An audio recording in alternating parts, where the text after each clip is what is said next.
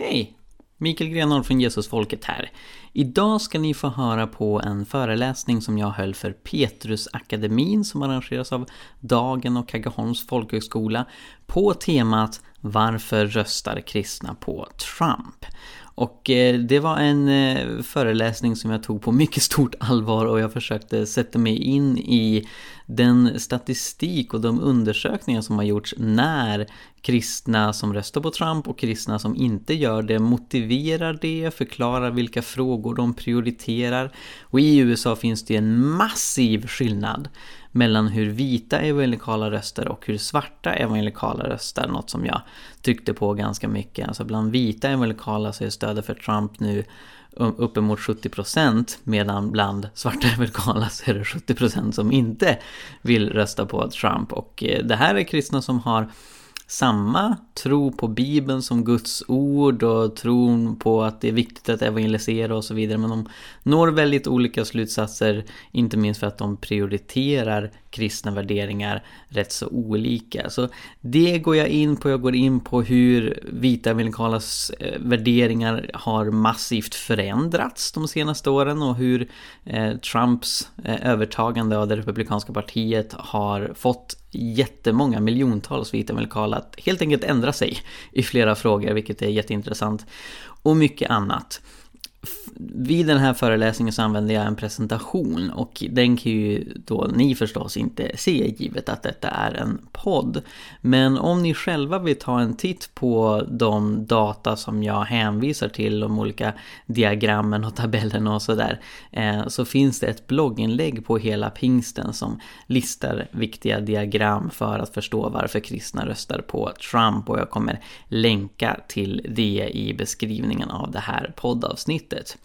Med det sagt så hoppas jag ni är redo för denna föreläsning. Eh, vi tog en del tillfällen för eh, frågor och svar, men jag har klippt bort det så att eh, det ni får är helt enkelt bara själva presentationen och sen om ni har frågor och funderingar om detta så får ni jättegärna höra av er till jesusfolket gmail.com eller via de sociala medierna som vi har på Jesusfolket och hela pingsten.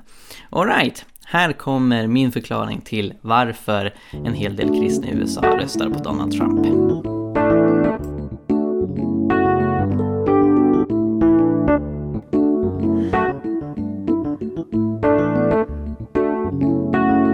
Tack så jättemycket!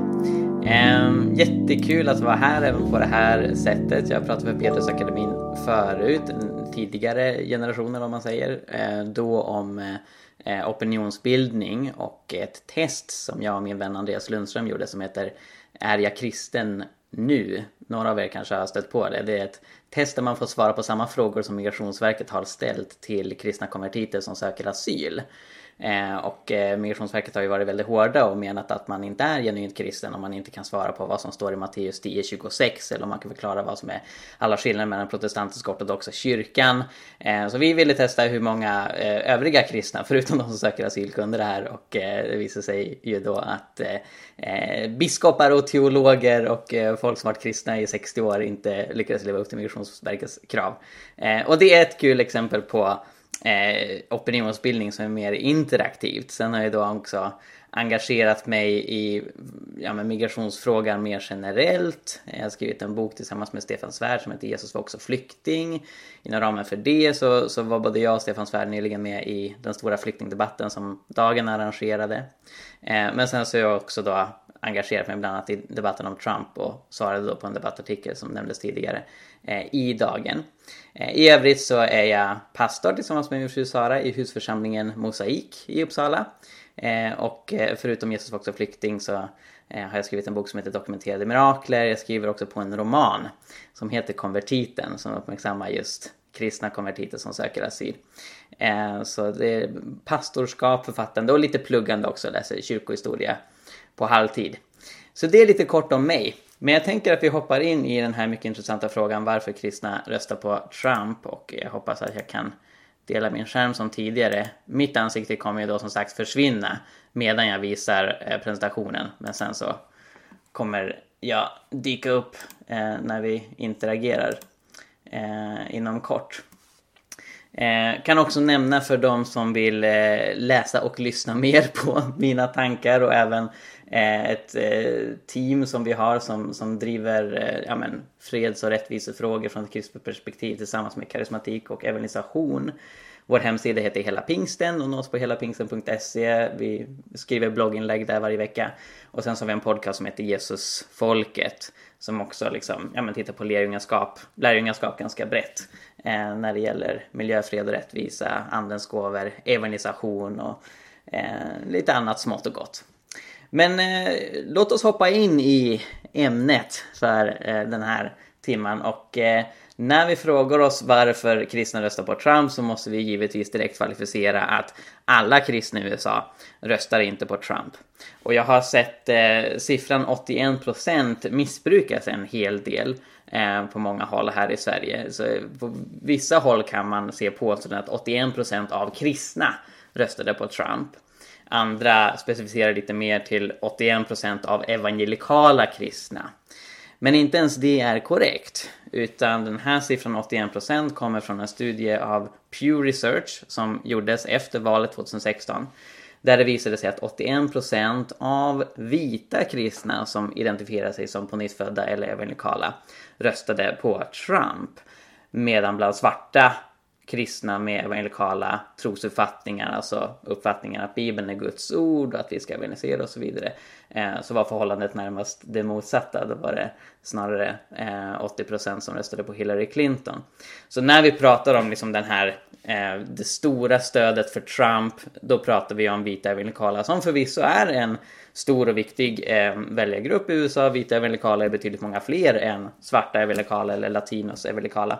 Eh, och, eh, men, men det ska inte förväxlas vare sig med evangelikala i allmänhet eller med kristna i allmänhet, för det finns ju också katoliker som inte räknas som evangelikala, det finns mainline-protestanter, lutheraner, anglikaner och så vidare som inte heller räknas till evangelikala.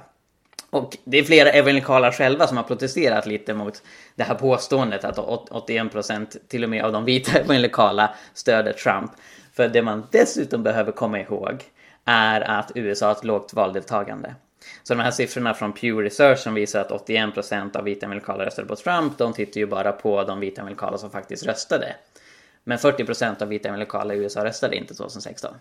Eh, så det behöver modifieras på det sättet också. Justin Taylor som har skrivit den här artikeln på The Gospel Coalition som en evangelikal sajt. Han, påpekar, han påpekar även att det är många som identifierar sig som evangelikala och liksom kryssar i rutan evangelikal på sådana här undersökningar.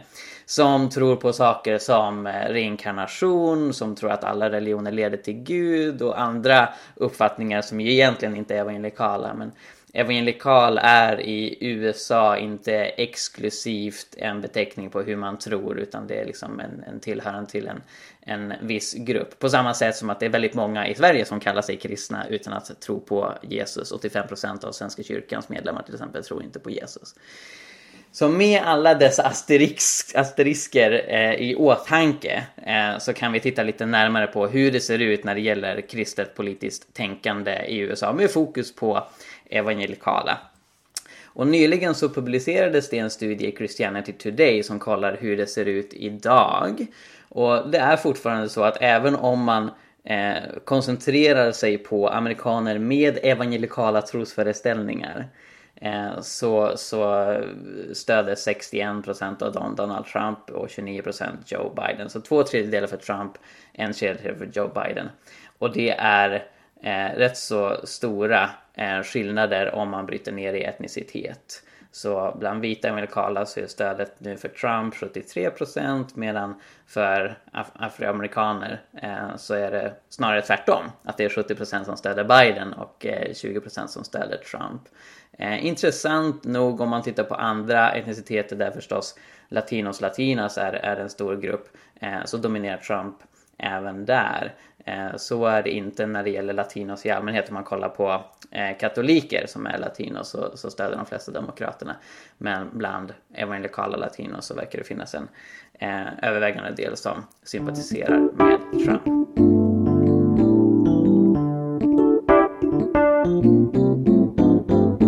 Förutom då att Rudenlöv här i Sverige har presenterat varför evangelikala röstar på Trump i, i USA. Så finns det även en, en eh, video av pastorn Josef Emanuel Barkenbom som har blivit ganska väldelad på Facebook och fått över 100 delningar. Eh, där han ger fem anledningar till varför kristna röstar på Trump.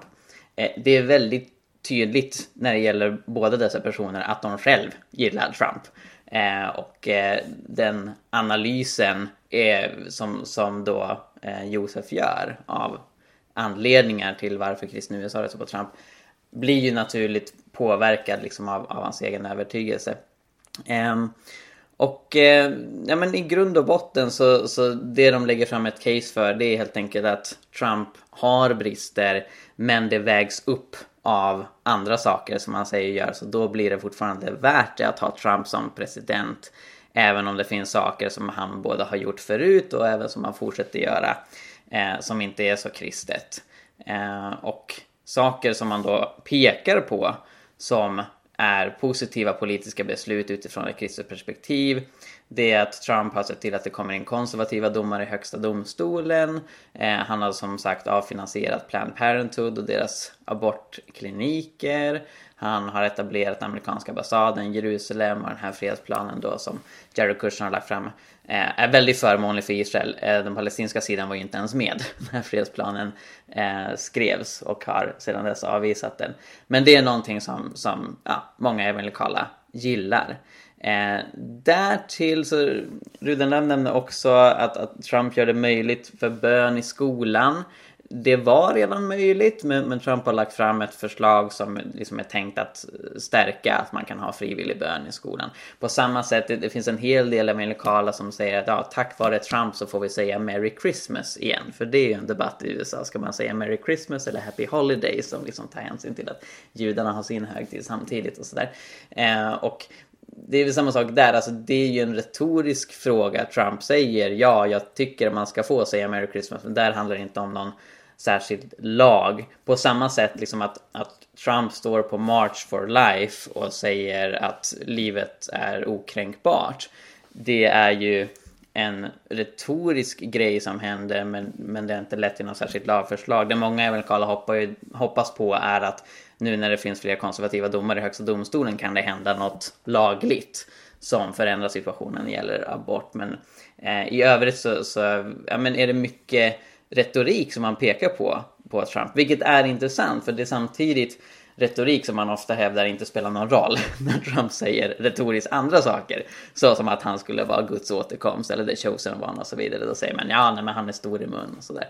Eh, och jag ska förstås även nämna att för en hel del vita amerikaner så är det också relevant Trumps retorik kring muslimer och där finns det också praktisk politik. Trump utlovade ju väldigt tidigt i sin valkampanj att han ska förbjuda muslimer att invandra Eh, invandrare i USA. Något som förstås inte går, men sen så har man eh, infört förbud eh, att invandra till USA från vissa länder och de flesta av dem har ju då en muslimsk majoritet, vilket gör till exempel att kristna flyktingar från, från Syrien och, och sådana länder inte kan fly till USA. Eh, men återigen, det är något som man tycker att det, att, att det är värt det. Nå för att liksom eh, motivera då den här kontrasten mellan de goda politiska åtgärder som Trump gör samtidigt som de brister som finns i hans karaktär, att han är ful i mun och svär och att han har levt ett väldigt promiskuöst liv, eh, haft sex med väldigt många kvinnor, varit otrogen många gånger. I, i den här eh, läckta eh, uttalandet när han talar om att eh, ta tag i kvinnors underliv så säger han ju dessutom att han har försökt eh, ha sex med en gift kvinna. Eh, så det är väldigt öppen eh, otrohet. Eller, han, han tänkte ju inte att det skulle bli öppet. Eh, men men eh, vi, vi vet liksom att, att det är sånt liv han har levt. Så hur motiverar man då liksom att Trump skulle vara så fantastiskt bra i Guds plan samtidigt eh, som han också eh, lever och har levt ganska ogudaktigt? Ett vanligt argument är ju då det här pastorsargumentet. Vi valde en president, inte en pastor. Och det är någonting som upprepas om och om och om, och om igen eh, i de här diskussionerna när det gäller att förstå det här pastorsargumentet så, så måste man förstå att i USA så finns en stark tradition av att pastorer ska leva, eh, ha, ha liksom högre krav på att leva heligt än andra kristna. Så att liksom pastorn är på något sätt den högsta moraliska auktoriteten. Medan presidenten inte behöver vara det. Så man, man nedvärderar presidenten helt enkelt. Trots att det är en eh, president som har tillgång till kärnvapenkoder och inte en pastor i en lokal kyrka. Men liksom i det amerikanska tänkandet så är det fortfarande liksom pastorn som är allra viktigast. Så bara genom att säga att Trump är inte pastor, då kan det ursäkta att han beter sig rätt omoraliskt på, på många områden. Eh, för att eh, det är viktigare att pastorer sköter sig bra än att USAs president sköter sig bra. Och sen det jag har märkt också när jag har frågat runt kring amerikaner som använder det här argumentet hur de egentligen menar. Så är det väl också väldigt tydligt att, att om, om man ska välja en pastor i en lokal församling då har man många olika kandidater. Men det är många amerikaner på grund av det valsystem som de har som är eh, djupt ingrodda i tänket att vi har bara två val. Eh, så det är antingen den republikanska kandidaten eller den demokratiska kandidaten och det, och det finns inga andra alternativ. Så om, om man ska tillsätta en pastor då, då kan man vara mer noggrann med att det ska vara en moraliskt eh, trogen person. Men när det gäller president då får man ta den som är minst dålig. Så att det blir någon slags eh, kompromissargument i princip. Ett annat argument som har dykt upp väldigt mycket när det gäller eh, kristnas tänkande kring Trump det är att han skulle vara en modern kung Kyros. Och Kyros var ju då en eh, hednisk kung som gjorde positiva sak för, saker för gammaltestamentliga Israel medan han själv var avgudadyrkare och hade ett harem och, och levde eh, väldigt omoraliskt på det privata planet. Men men parallellen som man gör att han gör fortfarande något positivt för kristna. Eh, och eh, det finns även flera judar i Israel som, som resonerar likadant. Faktum är att efter att Trump hade annonserat ambassadflytten så trycktes det ett särskilt mynt eh, i Israel, ett tempelmynt, där Trump och kung Kyros eh, står bredvid varandra för att verkligen hamra hem den här parallellen som man ser. Och det här sättet att resonera är intressant därför att plötsligt blir ju Trumps brister styrkor. Alltså när man kan peka på att han är promiskuös och att han, han svär väldigt mycket och, och, och hånar sina politiska motståndare. Han har ju också hånat en journalist med CP-skada. Han har kallat kvinnor för feta grisar och ja, ni, ni vet hur han beter sig va allt det är ju argument för att han är som Kyros. Alltså, man vänder det liksom upp och ner. Så, så ju mer man kan visa att Trump är ogudaktig, desto mer säker kan man vara på att ja, han är den moderna Kyros som, som Gud har utvalt för att utföra sina syften. Eh, och på så sätt så är, är ju det här resonemanget, Trump är en modern Kyros, det är inte så mycket ett argument för att han är Guds utvalde, utan man utgår från att han redan är Guds utvalde. Och sen för att motivera hur kan han vara Guds utvalde samtidigt som han lever så omoraliskt? Ja, nej men så, det var ju Kyros också. Så har man liksom löst det problemet. Eh, den stora nackdelen med Kyros-argumentet är att det kan användas som precis vem som helst. Så en, en eh, kristen som röstar på Demokraterna skulle kunna säga samma sak. Att ja, Joe Biden har sina brister, Joe Biden eh, är med i ett parti med, med väldigt liberal abortpolitik och så vidare. Men vet ni vad, han är en kung Kyros. Han är en ogudaktig kung som Gud är utvald för dessa syften. Och, och, och, det skulle ju vara exakt samma argument som man använder om Trump. Eh, och, och sådana typer av argument som liksom kan användas om vad som helst, de är inte så, så kraftfulla egentligen. Men det är en väldigt populär retorik som, som många evangelikala använder sig av. Och sen har vi det profetiska argumentet som förstås har störst relevans i pingstkarismatiska sammanhang.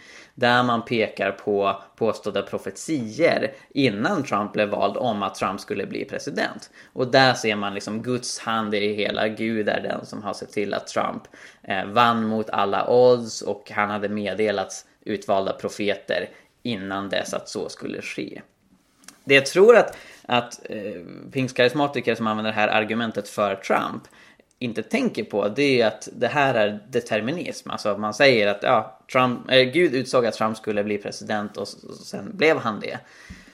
Spelar det ingen, egentligen ingen roll hur man röstar. För om, om Gud liksom har bestämt det på förhand då kommer det ju bli så. Och det är ju determinist Då, då liksom menar man att, att det inte egentligen finns någon poäng med, med vad vi gör. Röstande blir egentligen överflödigt. Eh, men det är inte så argumentet används, utan argumentet används ju för att motivera pingstkarismatiker att rösta på Trump igen nu när det är val igen. Eh, så på något sätt, trots att det rent logiskt är deterministiskt, så blir det fortfarande någon slags motivering till att eh, Trump utför Guds verk. Eh, sen så ska man vara medveten om att en av de första som, som profeterade om att Trump skulle bli president, Mark Taylor, eh, hans profetia innehöll en hel del saker som inte eh, faktiskt ägde rum. Till exempel att Obama skulle ta alla USAs vapen och försöka bli omvald en tredje gång. Eh, så de här profetiorna ska man nog ta med en nypa salt. Men de är fortfarande eh, väldigt vanliga argument i den pingstkarismatiska miljön för att fortsätta stödja Trump. Jag nämnde kort tidigare det här med att pastorsargumentet ofta kokar ner till att vi bara har två alternativ. Eh, och det här kan man se en hel del i, i vita evangelikalas resonemang om varför de stöttar Trump. Som till exempel Wayne Grudem som en inflytelserik evangelikal tänkare. Eh, han har skrivit ett öppet brev till en antitrumpistisk kristen. Eh, och, och, där pekar han på att nej, men det, det spelar egentligen ingen roll om Trump har en moralisk karaktär eller brister. Eh, utan det som spelar roll är vilket av de två paket, paketen eh, föredrar jag? Vil vilket är bäst för nationen? Är det Trumps och Republikanernas paket eller är det Bidens och Demokraternas paket? Och om man kommer fram till att Republikanernas paket är bättre, då är det det man ska ta. Och, och det här dualistiska tänket är ju otroligt vanligt i USA. Eh, på grund återigen av deras valsystem. På grund av att eh, den som vinner ett valdistrikt tar alla röster från det valdistriktet och den som vinner en delstat tar alla rösterna från det delstaten. Så är det i praktiken nästan till omöjligt för tredje och fjärde partier att ens ta sig in och ha någon chans eh, i den amerikanska politiken. Det blir en ständig tvådelning. Eh, och det här kan ju beskrivas väldigt enkelt med vänster-höger-skalan. Så Demokraterna är vänster, Republikanerna är höger. Eh, I Sverige så har vi förmånen att ha fler partier och se att det finns en större mångfald i politiken. Även om vi också här försöker liksom rada in eh, alla partier enligt vänster-höger-skalan. Och i och med att vänster-höger-skalan enbart har två poler och är en endimensionell skala så blir det svårt för oss att tänka bredare och också tänka att man kan ha en åsikt åt vänster, en åsikt åt höger när man till exempel försöker orientera sig utifrån någonting som fanns innan vänster-höger-skalan såsom Bibeln. Och min personliga åsikt är att, att vänster-höger-skalan är en av de absolut mest fördummande saker som mänskligheten någonsin har, har kommit på. För att det verkligen uppmuntrar till att eh, ta tusentals åsikter som vi kan ha i samhället, placera det i en av två lådorna och sen så ska man avgöra vilken låda är bäst och då ska man dessutom anklaga den andra lådan Eh, för att vara ond och dum. Snarare än att se att nej, men om det finns tusentals frågor som vi kan ta tusentals åsikter om då kanske det blir lite för simplistiskt att reducera hela verkligheten eh, till rött och blått eh, så som sådana här 3D-glasögon på bio. Det är en lite större fråga men jag tror verkligen att, att ja, men polariseringen som vi ser idag influeras väldigt mycket av det här vänster-höger-tänket. Och när det gäller diskussionen om hur kristna tänker kring politik så ska vi notera att samma språkbruk som används om politiken, progressivt och konservativt eller liberalt och konservativt, används om teologi. Vi pratar om liberal teologi, vi pratar om konservativa evangelikala i USA mer än i Sverige, men det finns här också, så talar man om progressiva kristna. Och då klumpar man ofta ihop då politiska åsikter med de teologiska. Så trots att det inte finns någon logisk koppling överhuvudtaget mellan att ha en stark tro på Bibeln och att förneka att klimatförändringar finns så ser vi i USA hur uppemot 40% av de evangelikala som har en stark tro på Bibeln också förnekar klimatförändringarna, vilket är större än, än resten av befolkningen. Eh, och jag tror att en stor anledning till det är att båda dessa åsikter stämplas som höger eller konservativa, så man har en konservativ syn på Bibeln om man är evangelikal, och man har en konservativ åsikt om man förnekar klimatförändringar. Och på så sätt så klumpar saker ihop som egentligen rent logiskt inte har med varandra att göra. Nu har ytterligare en grej som är väldigt intressant och som vi tydligt kan se i statistiska undersökningar. Det är att Trump har förändrat vita evangelikalas eh, värderingar eh, i viss mån. Så 2011 så gjordes en undersökning när eh, befolkningen frågade eh, om man tycker att en eh, elected official, alltså en politiker som beter sig omoraliskt i sitt privatliv kan inte bete sig moraliskt i sitt offentliga liv. Och vita evangelikala var den grupp som i allra högsta grad sa eh, Ja men så är det. Om man beter sig omoraliskt i sitt privatliv då kan man inte bete sig moraliskt som politiker. Men ni ser kanske vad som händer här i grafen. Va? Alltså sen 2016, hoppsan ha, då har det sjunkit ner till 20%. Och det fortsätter sjunka ner så det är allt fler bland vita evangelikala som säger det spelar ingen roll liksom, hur, hur ens privatmoral är och hur ens karaktär är. Utan man kan fortfarande bete sig etiskt, rent politiskt. Och, och det säger vita evangelikala idag i mycket högre utsträckning än någon annan grupp. Trots allt, bara för några år sedan, bara för tio år sedan, så var det precis tvärtom. Då var det vita evangelikala som kämpade för nej, vi ska ha politiker som har en god privatmoral, för de kan inte bete sig moraliskt i sin politik annars. Nu säger de tvärtom. Men det allra mest intressanta, det är att eh, det här då eh, opinionsundersökningsföretaget PRRI när de ställde frågan om hur viktigt det är att politiker beter sig gott privatmoraliskt för att bete sig gott i det offentliga så i vissa fall så relaterar de den frågan till Bill Clinton och hans otrohetsaffär på 90-talet. Och för andra så relaterar de det till Trump. Och för vissa kontrollgruppen så liksom de bara ställde frågan utan att först nämna en politiker. Och nu, nu ska ni få se något som jag tycker är så otroligt fascinerande. Så, bland vita amerikaner rent allmänt så säger då 16% att eh, ens privatmoral har påverkan på ens politik. Om man först nämner Bill Clintons otrohetsaffär så sticker det upp till 27%.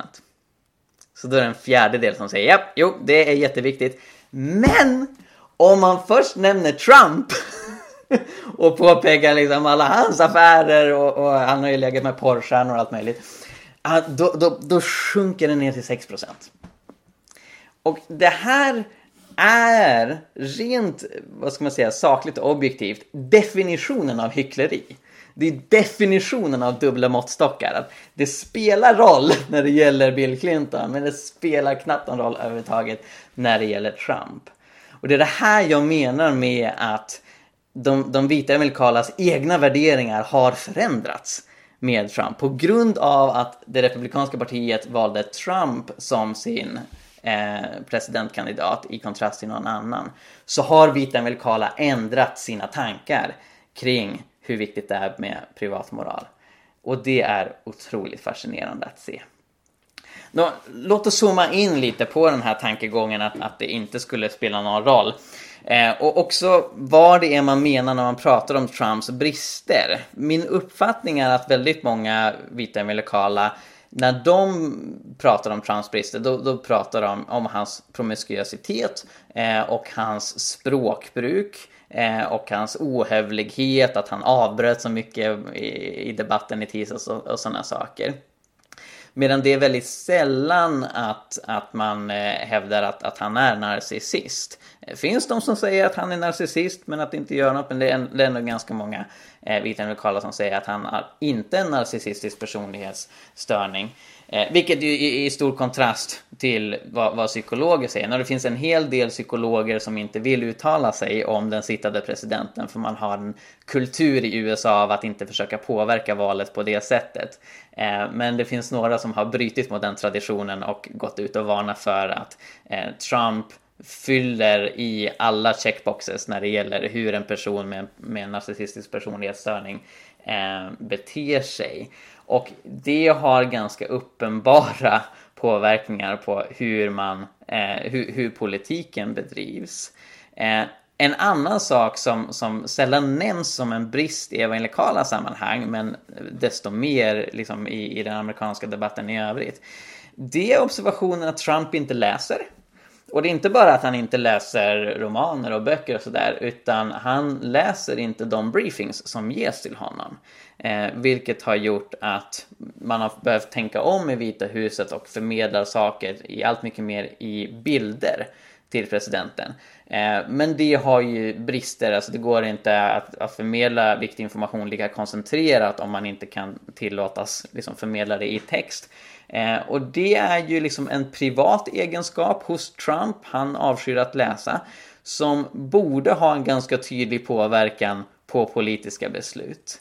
Eh, ytterligare en observation som väldigt många har gjort, det är ju att Trump är otroligt oberäknelig och det har skrivits en hel del eh, vetenskapliga arbeten om hur det försvårar för andra länder, USAs allierade. Eh, just det här att, att eh, det inte riktigt går att förutse vad Trump ska göra, att han väldigt ofta ändrar sig. Han har profilerat sig att, att vara eh, isolationistisk och mot krig och, och, inte vilja intervenera i andra länder. Men ändå så gör han det gång på gång och, och det kan ske väldigt plötsligt som när Trump plötsligt beordrade en bombning i Syrien eller han, han plötsligt avrättade den här irakiska generalen, eller mördade, är väl mer korrekta termer. Eh, och, och, och det är ju också en privat egenskap hos Trump, det är ju någon slags karaktärsegenskap men som har en påverkan på politiken. Flera av er noterar säkert att bakgrundsbilden jag har valt för denna slide, eh, det är en atombomb. För vi måste ju komma ihåg det att eh, Trump är den person som har eh, mest enkel tillgång till kärnvapen i hela världen. Eh, det finns en eh, tidigare republikansk politiker som nu är politisk kommentator som jobbar på MSNBC som har hävdat att Trump frågade sina säkerhetsrådgivare varför kan vi inte använda kärnvapen och verkade helt oförstående till varför man inte ska använda dem. Eh, det är inget offentligt uttalande och eh, Trumps eh, stab har förnekat att han har sagt så. Men det vi vet att han har sagt öppet, och det här finns då inspelat, det är att han har ifrågasatt varför vi producerar kärnvapen om vi inte kan använda dem och han argumenterar för att eh, länder som inte har kärnvapen idag, så som Japan, borde ha dem. Eh, och han sa också öppet 2016 att han vill vara oberäknelig när det gäller eh, kärnvapen och möjligtvis bomba oss här i Europa. Eh, så, så, det är saker som han har sagt. Nu han har ju inte använt kärnvapen.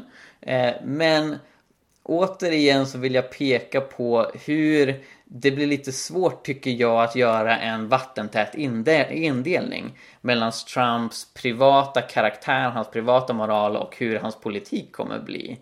Därför att saker som en narcissistisk personlighetsstörning, saker som att han inte läser, saker som att han är oberäknelig och inte tycks förstå farligheten med kärnvapen torde ju påverka hur han beter sig rent politiskt.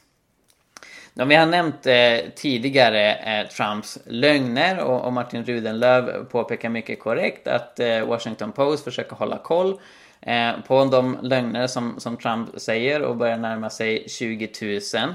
Eh, Rudenlöv menade att många av dessa eh, uttalanden är inte lögner utan det är när Trump inte håller med Washington Post. Det stämmer inte utan det här är faktagranskade uttalanden allihopa. Eh, och eh, de hamnar antingen i kategorin att det är missledande att ha halvsanningar eller att, att det är eh, saker som inte har någon grund i, den objektiva verkligheten överhuvudtaget. Och, och den lustigaste samlingen lögner som Trump säger, och det finns väldigt många av dem, det är när han säger emot sig själv. Och det är ganska svårt att karaktärisera det som, ja, ah, det är när han inte håller med Washington Post. Nej, det är när han inte håller med sig själv! Och många av de här är inspelade.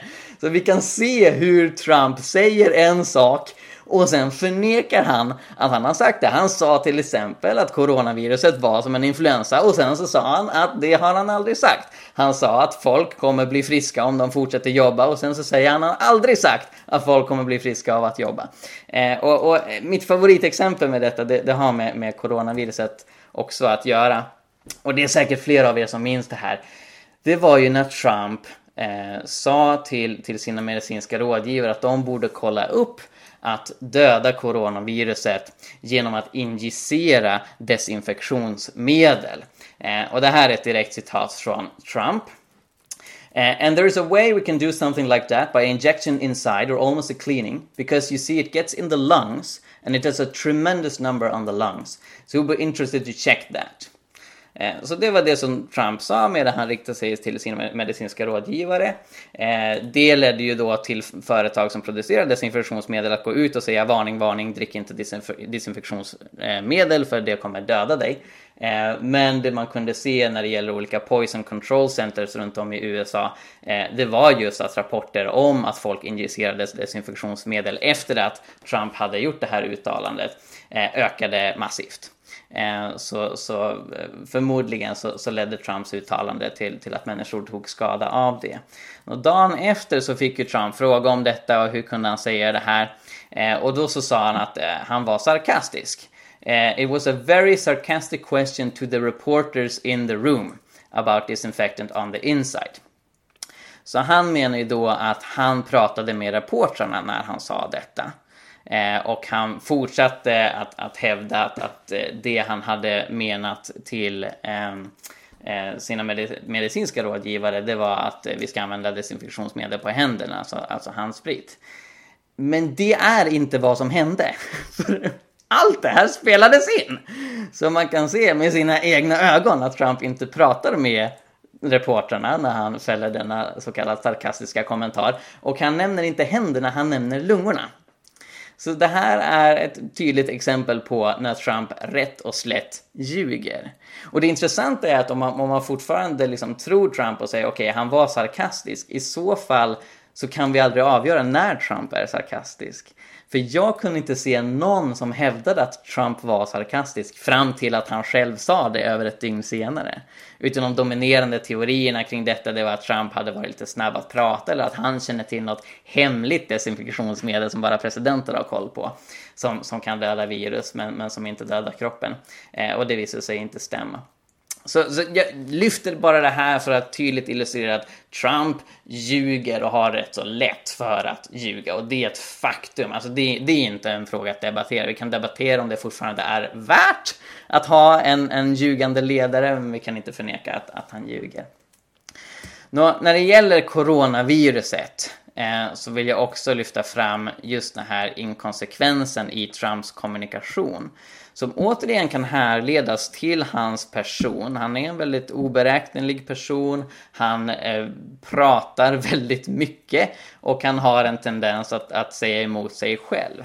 Eh, men återigen så kan det inte riktigt särskiljas från den förda politiken för att kommunikation är så otroligt viktigt när det gäller en, en pandemisituation. Så egentligen har jag samlat här många citat, jag vet inte om vi eh, hinner gå igenom alla. Men det som har framkommit nu är att den 7 februari så, så medgav Trump till Bob Woodward att han visste att coronaviruset var dödligt. Och det är klart att han visste. Han är ju USAs president och han har ju tillgång till den bästa informationen av alla. Visserligen behöver det förmedlas i bilder snarare än, än text, men det är ändå informationen han har tillgång till. Men sen så fortsatte han ju hävda att eh, coronaviruset kommer mirakulöst försvinna i april. Det sa han 10 februari. Han sa 26 februari att corona, fallen av coronavirus kommer gå ner till noll. Eh, han föreslog i 2 mars att man kan ta ett vanligt influensavaccin. Han sa 4 mars att om man går till jobbet så blir man bättre för coronaviruset. Sen 5 mars att han aldrig har sagt att man blir fri från coronaviruset genom att gå eh, till jobbet. Eh, och sen om vi fortsätter lite längre fram i tiden eh, så, så har han sagt att eh, han visste minsann att det var en pandemi långt innan alla andra visste det. Eh, sen så har han medgett återigen till Bob Woodward privat 19 mars att han medvetet har försökt tona ner hotet av coronaviruset. Han har argumenterat för att eh, det är dåligt att stänga ner ekonomin. We cannot let the cure be worse than the problem itself. Vilket är ett direkt citat som han hörde från Fox News som han eh, tittar på väldigt ofta. Han utlovade att eh, vi kan börja jobba igen eh, till påsk, eh, inga problem. Eh, han ifrågasätter varför man ens stängde ner ekonomin och sa att det har vi aldrig gjort när det gäller influensan. Sen sa han någon dag eller någon vecka senare att nej men just det, det är ingen influensa. Eh, och 6 april så sa han att nu har vi nått ljuset av tunneln, då hade 10 000 amerikaner dött. Idag är det ju då två, över 200 000 amerikaner som har dött och som ni säkert vet så nåddes vi av den tråkiga nyheten häromdagen att Trump själv eh, och hans fru Melania har blivit smittade av coronaviruset. Vilket är väldigt allvarligt därför att Trump är över 70 år gammal och dessutom överviktig vilket placerar honom i en riskgrupp. Jag har sett en del Trump-kritiker skriva saker som nu tar vi fram champagneflaskan och åh vad underbart att, att eh, Trump har blivit smittad och det är groteskt. Alltså vi behöver skilja mellan sak och person och som kristen pastor så även om jag personligen är kritisk till Trump så ber jag naturligtvis för att han ska bli frisk precis som jag ber för att alla andra som har fått coronaviruset ska bli friska. Wow, nu har jag pratat på känner jag. Så jag tänker att, att vi ska öppna upp för diskussion igen. Och det här är en fråga som, som jag själv har funderat mycket på och som jag är nyfiken på vad, vad ni tänker. Dels får ni dela mer av, av tankar utifrån det jag har sagt. Men mycket av, av det här som Trump, eh, alltså det, det, det positiva som vita evangelikala pekar på, stödet för Israel och stödet för pro-life och så vidare, det är ju sånt som andra republikaner också står för i väldigt hög utsträckning. Och en fråga som jag har ställt mig själv många gånger är varför föredrar inte vita Amerikala att Pence, Mike Pence, blir president? Han är ju vicepresident nu och är evangelikal kristen själv och valdes av Trump för att tilltala den väljargruppen. Eh, och Mike Pence har ju eh, ett mer eh, konsekvent tänkande kring detta. Eh, Trump var ju pro-choice fram till nyligen och har sagt i intervjuer, att han ändrade sig för att liksom ställa upp för Republikanerna. Medan Mike Pence har varit pro-life i princip hela sitt liv. Eh, och eh, om Trump skulle avgå, och den frågan lyftes ju när han stod inför riksrätt eh, tidigare i år, så skulle ju Mike Pence bli president istället. Och frågan är varför har inte evangelikala kämpat för det? Därför att då får man fortfarande flera av de här konservativa profilfrågorna. Men man slipper eh, ja, men all, alla den mängder lögner, man, man slipper det oberäkneliga beteendet, man, man slipper svordomarna och hela det här bagaget med liksom Trumps livsstil och så vidare. Eh, så det, det, är en fråga som jag tänkte att vi kunde diskutera tillsammans och jag är som sagt också nyfiken på andra tankar som ni har utifrån det jag har sagt.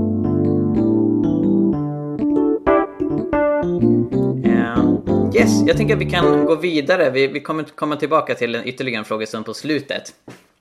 Men, men just den här frågan om varför man inte föredrar Mike Pence är väldigt intressant och, och, och, ställer saker på sin spets. Därför att hittills har jag liksom i, i mångt och mycket accepterat bilden av att, att eh, vita evangelikala eh, stöttar Trump för att de ser fördelar trots de brister som han har. Eh, sen har jag problematiserat lite liksom vad, vad är det som ingår i de bristerna och inte och har, har då noterat att eh, ja, men till exempel oberäknelighet eh, sällan anses av vita amerikaner vara en brist hos Trump. Eh, men, men fortfarande så liksom det, det är lite svårt för mig att eh, förstå varför inte vita amerikaner skulle kämpa för att Mike Pence blir president istället utan att öppna möjligheten för att även det som ofta lyfts som brister hos Trump ses som fördelar. Och att det finns saker som Trump gör som Mike Pence inte gör som faktiskt väcker sympatier hos vita amerikaner. Och vi pratade tidigare om att vara provocerande och nu, nu tänkte jag komma in på en provocerande tanke. Eh, och det relaterar de, eh, till de eh, rasistiska uttalanden som Trump har eh, lyft. Så på sin Twitter så förmedlade han innan han blev vald en falsk statistik om att eh, svarta knappt dödas av poliser i USA utan det är andra svarta som dödar dem. Eh, källan för det här är Crime Statistic Bureau San Francisco som inte finns. Så det här var en falsk meme som ja, inte byggde på någon sann statistik överhuvudtaget. Trump förmedlade den vidare för att det liksom, ja, utmålade eh, svarta som väldigt våldsamma och kriminella helt enkelt. Eh, under presidentvalkampanjen så vägrade Trump ta avstånd från Ku Klux Klan. Och det här är inspelat då och gå och se. Så, så, när en reporter undrade om Trump kunde ta avstånd från vitmaktrörelsen och Ku Klux Klan så sa Trump att det kan han inte göra för han vet inte vilka de är. Han vet inte vad, vad vit makt är för någonting. Eh, och han kan inte ta avstånd från någonting för det kan ju visa sig att det är bra människor. Eh, och reporten tydliggör, nej men jag pratar om David Duke och Ku Klux Klan och Trump säger, nej men jag kan inte ta avstånd från dem för jag vet inte vad de är. Sedan dess så har ju Trump vid olika tillfällen tagit avstånd från vit maktrörelsen men det här var någonting som kommunicerades innan valet, som då väldigt många i vit maktrörelsen tyckte om och Ku Klux Klan stöttade ju Trump. Eh, Trump har retweetat en video med, med en supporter till honom som skriker “White power”. Eh, han har använt eh, termen when, “When the looting starts, the shooting starts” som är ett direkt citat från en rasistisk politiker på, på 60-talet. Eh, och, alltså, och, och vi, vi, kan lämna diskussionen om liksom, är Trump rasist åt sidan? För då måste man definiera rasism och så vidare. Men det man kan konstatera är att av en hel del rasistiska grupper själva så uppfattas Trump som en allierad. Och det man också kan se är att eh, negativa, en, en, negativ syn på afroamerikaner har korrelerat med ett större stöd för Trump. Eh, bland de som, som röstar på Trump eh, så är det bara eh, 9% som, som säger att det är svårare att vara svart än att vara vit i USA, vilket skiljer sig ut dramatiskt från resten av befolkningen. Och det finns förstås eh, afroamerikaner som, som stöttar Trump som finns med på bilden här. Eh, men här så, så vill jag lyfta idén att, alltså in, inte nog med att det kan finnas Eh, eller att, att man inte beskriver detta som en brist utan man, man rycker på axlarna eller man säger att det är inte så farligt som, som det verkar. Jag vill också påpeka att för vissa vita evangelikala, inte för alla, men för vissa vita evangelikala så är det en fördel att Trump uttrycker sådana här saker om svarta människor för att de själva har liknande syn. Alltså USA har ju inte packat ihop sin rasistiska historia och låst in den bakom en dörr och så är det slut. Utan som vi ser och som ni har pratat om innan så är rasism fortfarande något som på riktigt existerar i USA och som givetvis även påverkar den kristna befolkningen.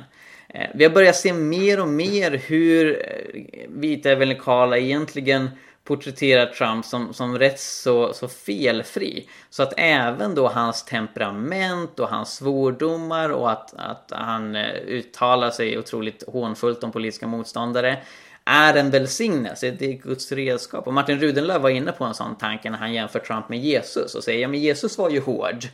Och, och, och, Trump är det också, så liksom, det behöver inte finnas något problem där. Och Jesus var ju inte hård på samma sätt som Trump. Jesus hånade inte CP-skadade och så vidare.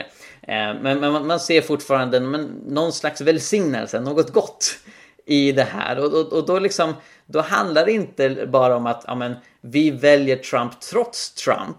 Att, att det liksom, vi, vi, vi, vi backar upp honom trots hans brister. Utan vi backar Trump för att han är den han är. Och det kan förklara varför man inte stöttar Mike Pence, som ju också tänker alltså, ännu mer konsekvent om abort och Israel och allt sånt där än vad Trump gör. Men en hel del vita amerikaner tror jag helt enkelt gillar Trump. Helt och hållet. Alltså utifrån den han är. Eh, och, och, och, det här kan man också se, det är en, en eh, professor i statsvetenskap som är Anthea Butler som har skrivit en artikel eh, om att white evangelicals love Trump and aren't confused about why. no one should be. Och hon trycker på det här att det, det kan vara ett misstag att tänka att, att vita evangelikala sluter upp bakom Trump trots saker, utan det är på grund av eh, ja, men, hans uttalande om, om, om eh, minoriteter och så vidare som man faktiskt stöder honom. Och hon pekar på att vita amerikaner faktiskt stöttar Eh, förbudet mot muslimer att ta sig in i USA mer än andra grupper och vita evangelikala tycker att USA inte har eh, något ansvar att ta emot flyktingar i mycket högre grad än resten av befolkningen. Så för dem blir det då inget problem att Trump uttrycker sig xenofobiskt och främlingsfientligt. Därför att that's the point. Alltså de, de håller med honom även om det. När Antia Butler drar det här väldigt långt och, och, och säger att vita amerikaner ofta är, är vit maktmänniskor själva. Och jag tror inte man, man kan liksom beskriva det på det sättet, utan snarare så finns det en blind fläck i den vita evangelikala miljön.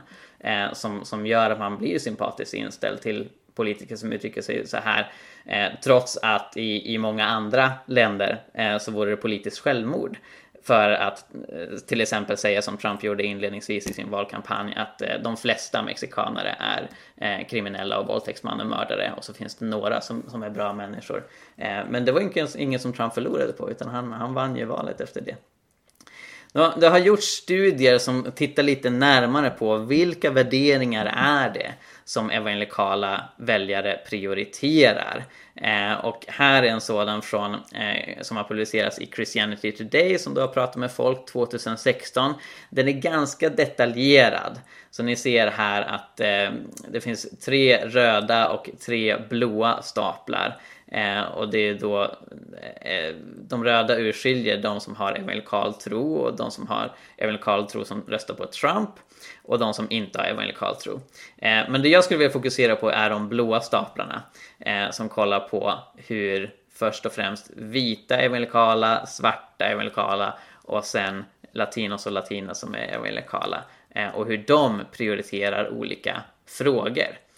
Så först och främst, så om vi tittar på de frågor som är allra mest populära, så ser vi att ekonomin är det eh, across the board. Svarta evangelikala tycker att eh, sjukvård är ännu viktigare än ekonomi och det, det, gör att de står ut lite från de andra.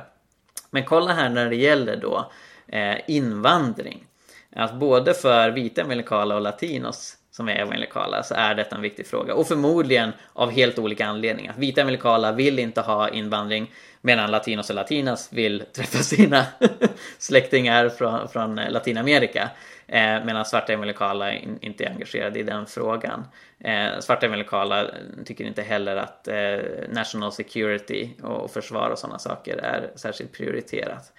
Går vi vidare så ser vi att när det gäller personlig karaktär så återigen det är väldigt lågt bland vita evangelikala, det är något högre bland, bland svarta evangelikala.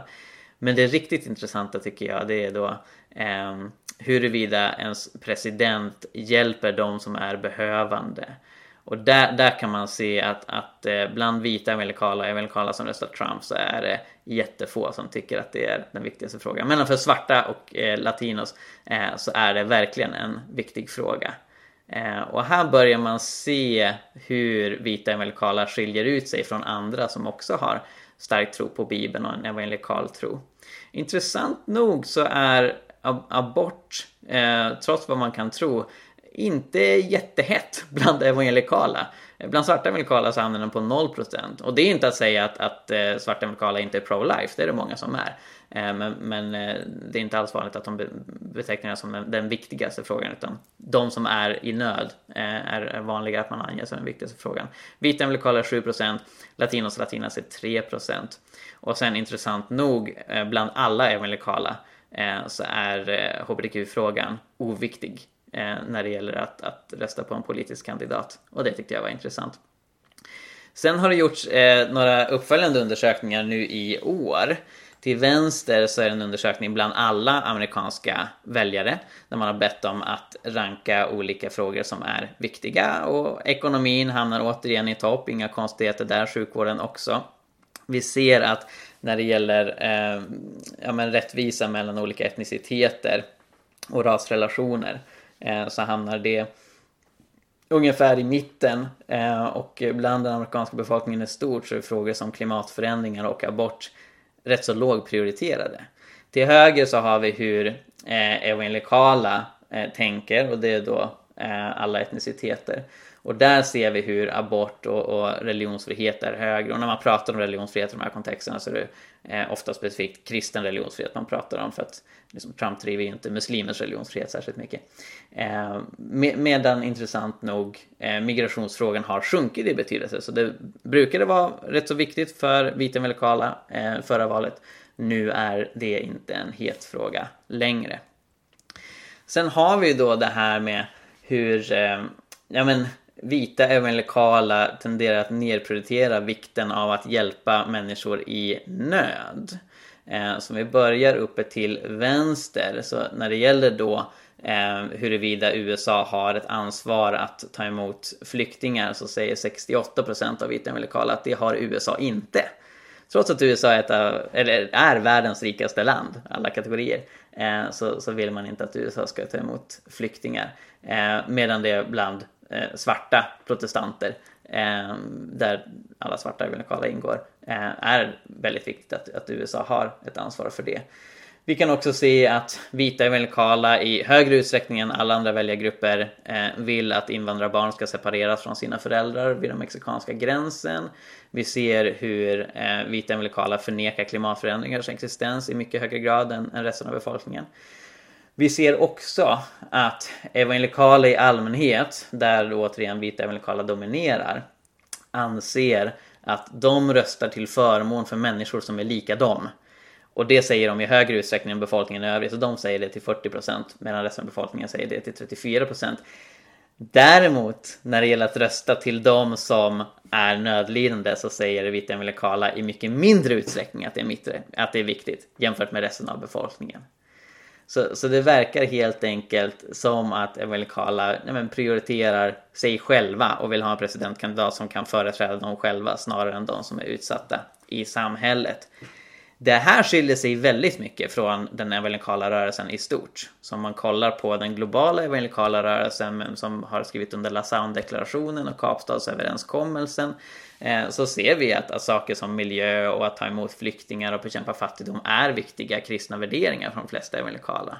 Och möjligtvis kanske civilreligionen i USA kan, kan vara en förklaring till varför vita evangelikala sticker ut så väldigt mycket. Dels då från svarta evangelikala i samma land men också från ja, men resten av, av bibeltroende kristna i världen. Eh, och det man menar med amerikansk civilreligion det är liksom att, att eh, patriotismen får en religiös prägel. Man pratar om, om de som författar kon konstitutionen som the founding fathers, vilket är ett väldigt religiöst språkbruk. Eh, och, och, man kan ju se just i Trumps presidentvalskampanj att han verkligen betonar patriotism, han betonar America first och make America great again. Eh, och det är någonting som resonerar med många vita evangelikala för att de tänker att ja, men då är jag kristen om jag är väldigt patriotisk. I kontrast till att ja, men, främja nödlidande människor globalt. Eh, och att det är kanske därför som man helt enkelt inte vill ta emot flyktingar. Trots att Bibeln innehåller över hundra verser om att ta emot flyktingar och invandrare. Men, men man har liksom bestämt sig för att det är oviktigt. Ja, vi ska snart gå in på en till liten frågestund, men först så vill jag titta lite framåt. Vart kommer det här leda? Och här är en statistik som, som förvirrade mig när jag gjorde research inför det här. Så sedan 2004 så har eh, andelen av USAs befolkning som är just eh, vita, eller eh, ja, vita evangelikala, eh, sjunkit ganska drastiskt. Så från att vara 23% av befolkningen 2004 så ligger det nu på 15 procent. Och, och, det beror eh, framförallt på att vita evangelikala i USA har jättesvårt att evangelisera bland den yngre generationen. Eh, så det är väldigt få unga som kommer in och då när den äldre generationen dör så, så blir det färre och färre som är vita evangelikala. Men samtidigt som denna nedåtgående trend har pågått så har eh, väljarstödet bland vita evangelikala legat konstant på en fjärdedel. Och det förklaras bäst av att vita evangelikala har blivit allt duktigare på att faktiskt gå ut och rösta. Alltså USA har som sagt väldigt lågt valdeltagande och fortfarande är det så att 40% av vita evangelikala inte röstar. Men vi har sett att man har engagerat fler och fler att rösta och då är det ju framförallt republikan som man röstar. Vilket gör att trots att man blir färre och färre så, så behåller man sin vikt i politiken. Eh, men detta kommer ju inte bestå givet den, den nuvarande trenden. Det kan ju förstås ske en väckelse och att, att plötsligt blir många fler evangelikala i USA igen. Men med nuvarande trend eh, så, så kommer det evangelikala skeppet fortsätta att sjunka. Då kommer vikten av evangelikala åsikter i politiken att minska och då kommer det bli mycket svårare för republikanerna att vinna eh, genom att eh, gör, göra saker som, som vita evangelikala tycker är viktiga. Apropå då den unga generationen, så när det gäller millennials, som är Amerikas unga vuxna, så säger 66% att amerikanska kyrkobesökare kännetecknas av hyckleri. Eh, och, och, det här är ett jättestort problem och det är därför som, som, jag, som jag lyfte tidigare. Liksom, eh, när vi får svart på vitt på att tyvärr så, så är en hel del evangelikala hycklare eller använder dubbla måttstockar liksom, i, i hur de värderar olika saker. Eh, därför att det är någonting som den icke-kristna befolkningen märker av. Eh, och som sagt så har eh, den evangelikala rörelsen väldigt svårt i USA att nå ut till den yngre generationen. Eh, och jag tror att den här otroligt starka lieringen mellan den evangelikala rörelsen och ett politiskt parti, nämligen Republikanerna, eh, har skadat en hel del. Därför att då förknippar man evangelikala åsikter med vad, vad helst Republikanerna hittar på. Eh, och det, det gör att eh, ja, friheten att, att eh, säga det man vill och förkunna det man vill förminskas och eh, risken för att upplevas som hycklare ökar. Och ytterligare en, en framtidsobservation som jag vill göra det är ju att överlag så minskar USAs inflytande. Så vi ser hur stormakter som Kina och Indien, Brasilien eh, växer till, även afrikanska länder som Nigeria och Sydafrika. Eh, och, och, redan nu så de flesta kristna i världen finns ju i majoritetsvärlden i Afrika, Asien, Latinamerika. Fortfarande är det ju så att vita evangelikala är den grupp kristna som influerar oss i Sverige mest.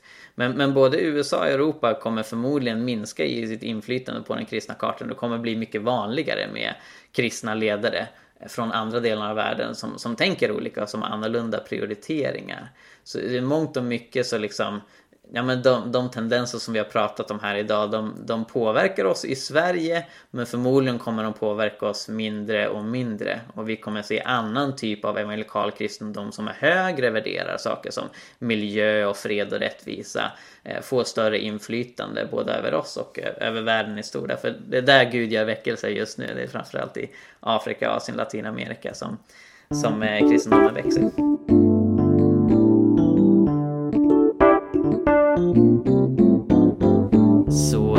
Här. Hoppas ni har lärt er någonting av den här föreläsningen. Det finns ytterligare en statistisk uppgift som jag glömde ha med i min presentation och som jag vill nämna så här på slutet som verkligen hamrar hem det här och för många vita amerikaner så röstar man inte på Trump trots hans karaktär utan på grund av hans karaktär. Enligt en studie från Pew Research som kom i mars i år så säger majoriteten av vita evangelikala att Trump är ärlig och ett moraliskt föredöme. Alltså majoriteten av vita amerikaner i USA anser att Trump är ärlig och ett moraliskt föredöme. Medan de flesta svarta svarta evangelikala och de flesta eh, latinos och latinas och så vidare tycker förstås att Trump inte är ett moraliskt föredöme. Men bland just vita evangelikala så tycker majoriteten att han är ett moraliskt föredöme. Och intressant nog så säger också eh, tre fjärdedelar av vita kristna att Trump är självcentrerad. Och där är, svarta kristna eniga med dem, så där är det också tre fjärdedelar som, som säger det. Men medan denna egoism och självcentrering är något negativt för svarta evangelikala så är det alltså, verkar det som, något positivt för vita evangelikala. Eh, och de, de ser honom som ett moraliskt föredöme. Eh, och, och det behöver vi ha med i åtanke även om det finns en hel del som säger nej men Trumps moral är hemsk men jag röstar på honom ändå trots det. Så finns det miljontals vita evangelikala i USA som tycker att Trump är ett moraliskt föredöme. Och då kan man ju fråga vilken moral de egentligen har. Men jag tyckte att det behövde nämnas här på slutet. Som sagt så lägger jag också upp ett blogginlägg på hela pingsten eh, med flera sådana här diagram som eh, visar hur eh, kristna väljare i USA tänker angående det här valet. Så, tack för att ni har lyssnat på detta och eh, hoppas att ni har blivit stärkta i er övertygelse om att eh, vita evangelikala kristna i USA kanske inte ska vara den främsta inspirationen för evangelikala kristna i Sverige utan vi kanske bör inspireras av andra bibeltroende kristna än just dem. Gud välsigne er och vi hörs nästa vecka.